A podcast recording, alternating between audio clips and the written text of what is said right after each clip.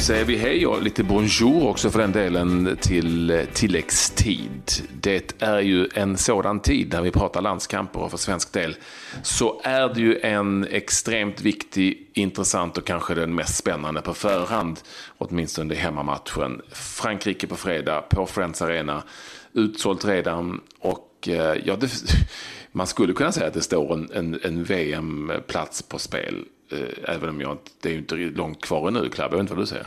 Ja, det är ju en oerhört viktig match, eh, så är det ju. Jag menar, det är tre poäng som skiljer. Skulle vi liksom ta poäng eller till och med vinna den här matchen så är det ju helt plötsligt eh, eh, väldigt öppet. Skulle vi förlora mot Frankrike då är det helt sex, sex poäng som skiljer och eh, ett Holland som kanske då eh, får, får lite luft under vingarna och då gäller det som att verkligen hantera den här andra platsen. Så det, är, det, är, det är en match som betyder oerhört mycket och jag tror också att den kan betyda oerhört mycket hur Sverige tar sig an hela den här matchen och hur den utspelar sig eh, kan man eh, någonstans eh, dra nytta av eller lida av resten av eh, kvalet som är kvar.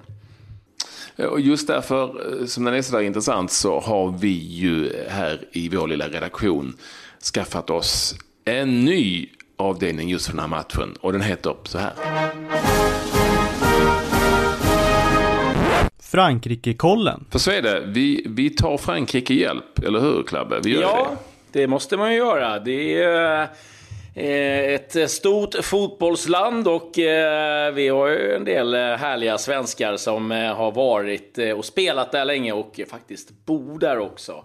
Och då måste vi ju kolla läget med dem. Hur, hur det är där nere i Frankrike och hur, vad, vad tongångarna går inför den här matchen då mot Sverige. Så att vi, vi har hjälpt den här veckan fram till matchen har vi Pontus Vanerud, min gamla radarpartner faktiskt från Frankrike hela förra året, som ju eh, bor i Frankrike och lever det ljuva livet. Han är med oss nu. Pontus, hej hej, hur är läget? Ça va? Ça va? Jo, tjena, tjena. Jo, det är bra, det är bra. Ja, lite koll har jag väl. Sen att jag lever ljuva livet, det, det gör nog mer du i fall. du, Rivierans guldgosse, det har vi koll på. Det behöver inte alls försöka lasta det på mig. Eh, men, men när du säger eh, lite koll, först och främst så vill man ju veta hur eh, Frankrike ser på den här matchen. Vi är ju jätteuppeldade, jag vet inte, de kanske inte är lika laddade. Jo, men det är man väl absolut. Jag har fått ganska många samtal de sista dagarna här inför matchen från diverse journalister som vill höra hur det står till med Sverige. Framför allt kanske, precis som det har varit i tidningarna, eh, snacket om hur eh, är livet efter Zlatan. Det är ju väldigt mycket mm. Zlatan-fokus efter hans eh, fantastiska tid här i PSG. Så att det är väldigt mycket eh, hur står sig Sverige utan, eh, utan Zlatan Ibrahimovic. Det har varit eh, väldigt stor fokus på det eh, de här dagarna i alla fall. I, I det franska laget, vad, vad fokuserar man på där rent medialt? Vad är den stora snackisen? Eh, mycket har varit eh, mycket snack om övergångar och eventuella transfer som ska göras i sommar och spelare i truppen som är påverkade och involverade i hela den där silly season-cirkusen. Ehm, sen hade man ett bra, ett bra genrep här i, i fredags mot, eh, mot Paraguay, vilket ja, man försöker bygga vidare på det Deschamps har byggt upp under en längre tid. Många nya unga spelare och um, förhoppningsvis då kunna göra en lika bra, lika bra match uh, nästa vecka, mot, eller på fredag då mot Sverige. Men uh, mycket fokus på uh, övergångar och, och transfersnack har det varit i tidningarna de sista dagarna. Vilka spelare har det varit? Alla Cassette och Lyon börjar väl ryktas mot, mot Arsenal och Mbappé-snacket. Uh, Real Madrid bland annat. Griezmann-snacket har det varit en del av. Och, ah, ja, nu glömmer jag säkert några stycken, men det är ganska många som, som det ryktas en del om i alla fall. Och sen så har de ju Champions League-vinnaren i Varann som ansluter till truppen då efter uh, finalen sist. Att de spelade mot Paraguay i en match de vann med 5-0, eh, det gjorde de ju häromdagen. Är inte det lite anmärkningsvärt att man ändå har en match så här tätt inpå? Uh, är det det verkligen? Jag vet inte. Uh, ja, men de uh, känner väl att det var ett bra upplägg och uh, om man ska gå in mer så matchlikt och vad som hände i matchen så är det ju den stora frågan i Frankrike är ju egentligen vad Griezmann ska spela, om han ska spela i, i en släpande forwardsroll som en tia eller om han ska utgå från en kant. Och nu startade han som tia bakom Giroud då, som gjorde hattrick mot eh, Paraguay. Försvarslinjen, du, du nämnde Varan. Vilka, vilka tror man kommer spela i, i en backlinje i Frankrike? Ja, det är ju lite förändringar sen förra sommaren då. Varann var ju framförallt inte med på grund av skada. Uh, jag tror att han eh, är väldigt viktig för Deschamps så han kliver nog in och tar en ordinarie tröja där, en start, startplats. Förmodligen med Koscielny, även om Umtiti har gjort det väldigt bra, fått väldigt bra, bra kritik. Och sen så har man ju då förändrat lite på ytterbacksplatserna från EM förra året där uh, Sanja och, och Evra ofta hade de hade abonnerat på, på ytterbacksplatserna. Men nu så är det då Monaco-duon i CDB och Mendy eh, som då är eh, klar va, för eh, City tror jag, vänsterbacken. Ja, men det har det pratats om ja, till, till City. När, när de Alltså det, det, är ju lite anmärkningsvärt kan jag ändå tycka att man fortfarande pratar om livet efter Zlatan. Menar, det känns som att de ska prata om det i tio år. Vi har ju mötts en gång tidigare i, i den här kvalgruppen och då var han ju inte med den gången heller. Finns det, finns det, finns det någonting annat i den svenska truppen eller laget som du tror att fransmännen har koll på? Eh, liksom, när de ringer till dig, skrämmer du livet av dem med Ola Toivonen och Jimmy Durmaz då? Eller vad, vad, vad försöker du säga? Nej, men jag det är faktiskt ganska konstigt för att jag får nästan påminna dem eller sådär säga att ja, men Sverige gjorde en väldigt bra match och, och man ser det lite som en som en referens för, för det här laget, det nya, nya laget ja. under Jan Andersson. Matchen mot Frankrike som de var väldigt duktiga i och, och förtjänade mer än noll poäng känns det som från den matchen på Stade de France. Uh, sen så är det väl Forsberg som har fått, uh, som, som de känner till mest så att säga. Mest uppmärksamhet är väl Emil Forsberg. Uh, jag får nästan säga och förklara vem uh, Victor Nilsson Lindelöf är också för att de har inte helt koll på den den bollen heller faktiskt. Och United och hela den biten. Så att, eh, ja, det är som vanligt med fransmännen. De är väldigt kära i sitt eget land. Och... Jävla grodätare. Sitt eget, sitt eget landslag. Ja, så är det. Ja, det är bara att acceptera. Men det, man får lära sig leva med det. Var, var har de sitt läge någonstans? Och vad, är, alltså, vad, är de, vad har basen? Ja, men klassiskt eh, läge utanför Paris på Clairefontaine där eh, förbundet har sin anläggning och det är väldigt eh, behagligt för dem. Fint, fint område. De kommer dit eh, och journalisterna står där och väntar och tar sina bilder när de anländer. Och nu känns det som nästan att det är en eh, ja, årgång äldre skolklass i alla fall med tanke på att det är sådär jättemånga unga spelare som faktiskt är med i truppen. Eh, mm. Uh, det är helt uh, bisarrt nästan, uh, den här generations växlingen som sker nu i Frankrike där det känns som att de har hur många spelare som helst, yngre duktiga spelare. Grymt Pontus, vi får anledning att höra det varje dag i veckan fram till match.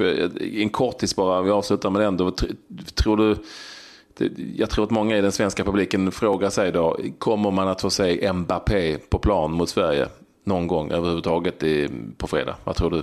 Ja, man kommer säkerligen få se honom få speltid. Jag tror inte att han kommer starta, men eh, garanterat eh, få några minuter på planen, absolut. Härligt Pontus! Eh, du eh, får eh, fortsätta hålla koll åt oss eh, där nere och eh, leva det ljuva livet helt enkelt nere i Frankrike. Mm. Titta på klockan då och då. ja, jag ska skrämma fransmännen lite till. Jag jobbar på det så att vi får hoppas ja. att de har stor respekt på fredag. Merci bien, à tout à l'heure. Ja, ciao ciao. Bon ciao, ciao. Hej. Eh, min eh, gamla radarpartner eh, Pontus Farner är alltid en fröjd och han håller koll på Frankrike här inför matchen. Bättre koll finns det nog ingen annan svensk för detta spelare som har. Han bor mitt uppe i det. Men du har ju varit där ute, Klabbe, och följt landslaget idag, eller igår blir det ju. kort bara, vad, vad hann du se? Finns det någonting att säga? Ja, de eh, valde ju att ändra träningen kan vi säga till eh, Friends Arena. De började ute på Bosön, men eh, vad jag förstått så var man inte särskilt nöjda med planens beskaffenhet där ute. Så man flyttade in på Friends och stängde taket och det har varit väldigt mycket fokus på försvarsspelet. Det har varit en hel del 11 mot 11 spel där man varit tydlig med liksom, hur man ska ligga i försvarspositioner och sådär. Så att Eh, de kommer väl allt eftersom eh, blicka mer och mer åt, eh, åt anfallsspelet. Men det är klart att mycket fokus hamnar ju om hur, hur man ska få stopp på ett eh, Frankrike. Men annars är det, liksom, det andas optimism. Det är liksom eh, eh bra eh, ja, bra stämning rakt igenom tycker jag. Alla bidrar på sitt sätt. Och sen är det ju ganska hård konkurrens om eh, många platser också. Så att, eh, jag tror att det kan bli en rätt kul samling att följa eh, rent generellt.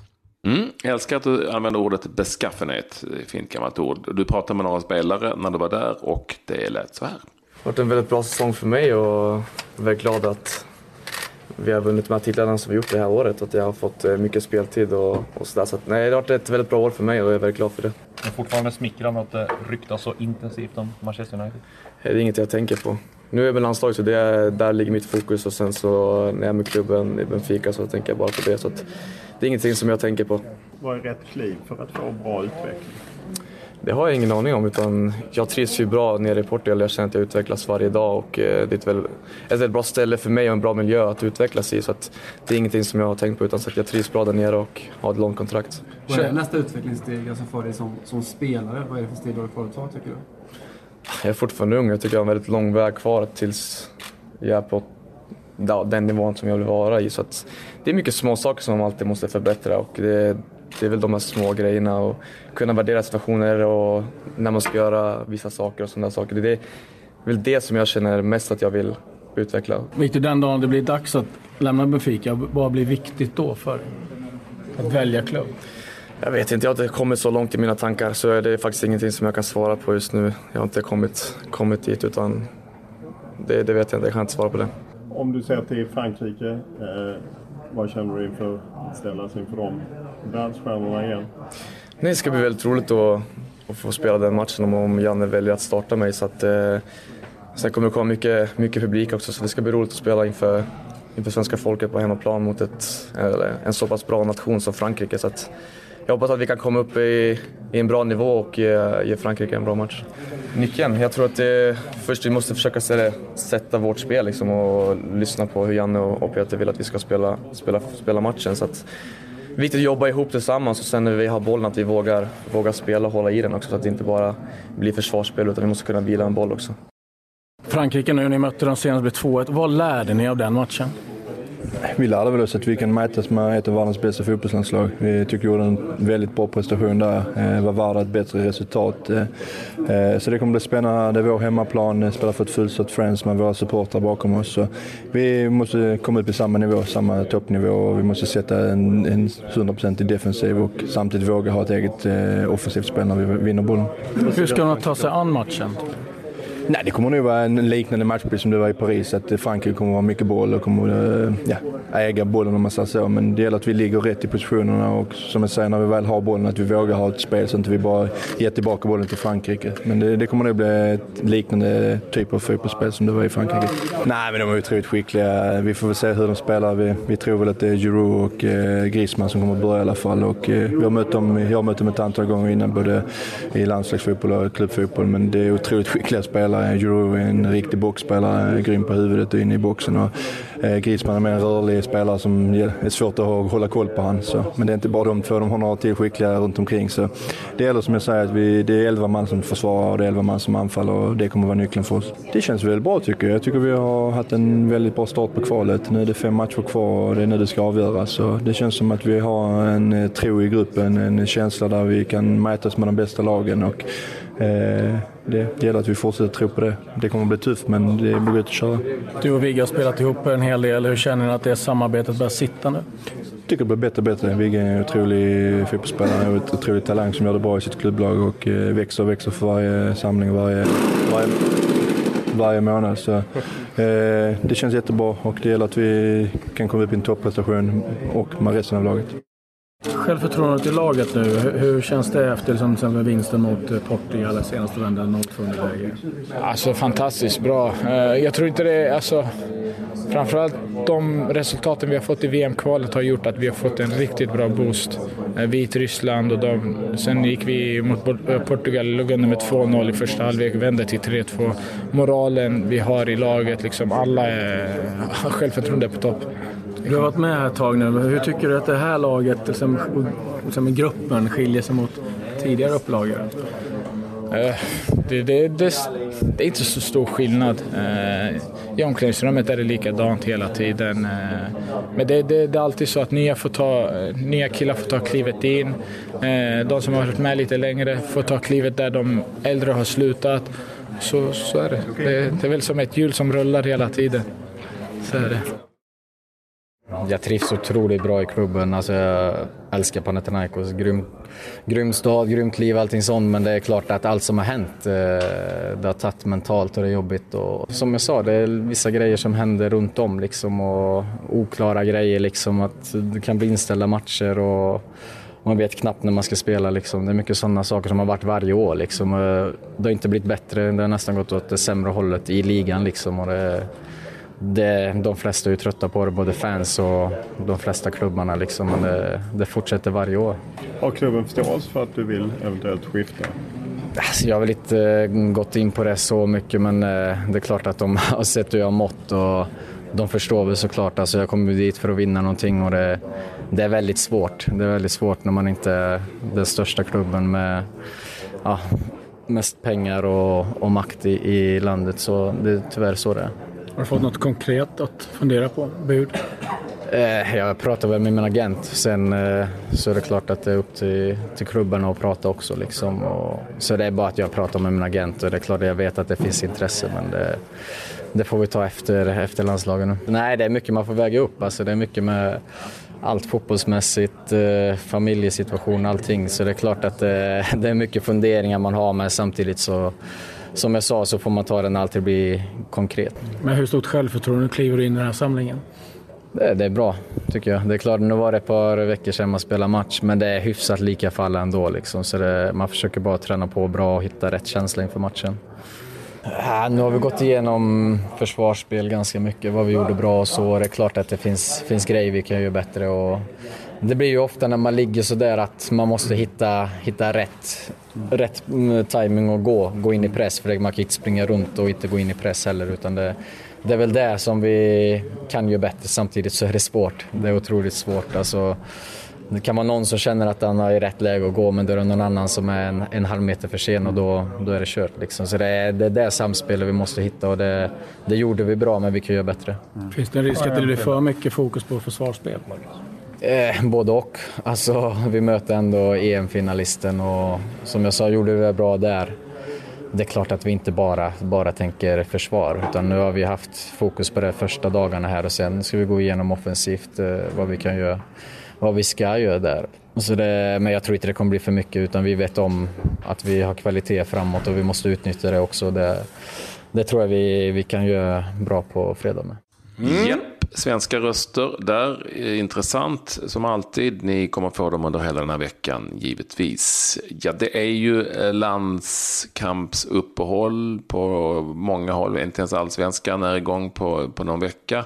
Så det händer inte särskilt mycket ute i den vida fotbollsvärlden. Jag vet att du har några nyheter som du har noterat. Eh, du kan väl dra dem nu? Ja, vi kan väl börja med, eh, med blickar mot Belgien. Eden Hazard, storstjärnan där, bröt eh, foten, eller fotleden, på träning med landslaget och har opererats. Kommer vara borta upp till en sex veckor, sex till åtta veckor. Så kommer troligtvis missa inledningen för Chelsea. Och sen har vi Lite nyheter angående U21-EM. Vi öppnar ju mot England och England har fått ett par tunga avbräck. Eh, Ruben Loftus-Cheek som eh, eh, tillhör Chelsea, Patrick Roberts som har spelat i Celtic och Izzy Brown som har gjort det bra i Huddersfield som blir klara för till Premier League är skadade och kommer missa. U21-EM och sen har man ju fått eh, nej tack då. Eller Marcus Rashford har ju istället blivit uppflyttad till A-landslaget. Så att ha lite problem där förbundskaptenen Bofroyd eh, inför premiärmatchen den 16 juni mot eh, Sverige. Sen om vi tittar lite på tränarsidan i övrigt så är det så att Dortmund förväntas presentera Ajax eh, tränare Peter Bosch eh, idag och eh, kommer vad det verkar få betala runt 5 miljoner euro i kompensation. Tuchel fick ju sparken från Dortmund och sen verkar det som att Slutski, Leonard Slutski, Rysslands för detta förbundskapten, tar över Hull City. Mm, vilken härlig kombo. Eh, den sista alltså, helt enkelt. Eh, vi konstaterar att Gais besegrade Trelleborgs FF i Superettan med 1-0. Vi konstaterar också att eh, man åtminstone spelar i den isländska ligan. Jag har en liten kort kortis därifrån innan vi mm, sätter punkt eh, för dagen. Eh, du vet, på temat, eh, vi varit inne på det tidigare när vi hittat, när jag hittat ett lag i Finland som hade många utländska spelare och hur fotbollsvärlden ser ut idag lyssna på den här. Viking ur Olafsvik förlorade hemma mot eh, Akureyri, mitt sköna gäng, med 4-1. I Viking ur Olafsvik finns det fyra spanjorer. alltså hur hamnar de där? det undrar nog de i vissa fall också tror jag. Ja, Christian Martinez, Alexis Ega, Alonso Sanchez och Nacho Heras. Jag tror inte de har spelat i några högre, eh, större lag i Spanien, men ändå. Eh, I övrigt då en bosnier, en eh, polack och en kille från Sierra Leone i startelvan. Eh, förutom då eh, de eh, tre stycken islänningar. Helt enkelt. Nej, jag glömde en kille från Senegal också. Mm, så kan det vara. man, vet att, man vet att det är internationellt när islänningarna åker till Thailand och de från Senegal och Sierra Leone åker till Island och spelar fotboll. Det är, ja, det är härligt, det gillar vi. Tänk att vara spansk fotbollsspelare och åka och bli proffs på Island. Det är ju lite tragiskt någonstans. Men så är det. Det är tufft om platserna. Nu säger vi tack och hej häls eh, och hoppas att ni är med oss imorgon och får en ytterligare rapport bland annat från Pontus Farnerud i Frankrike.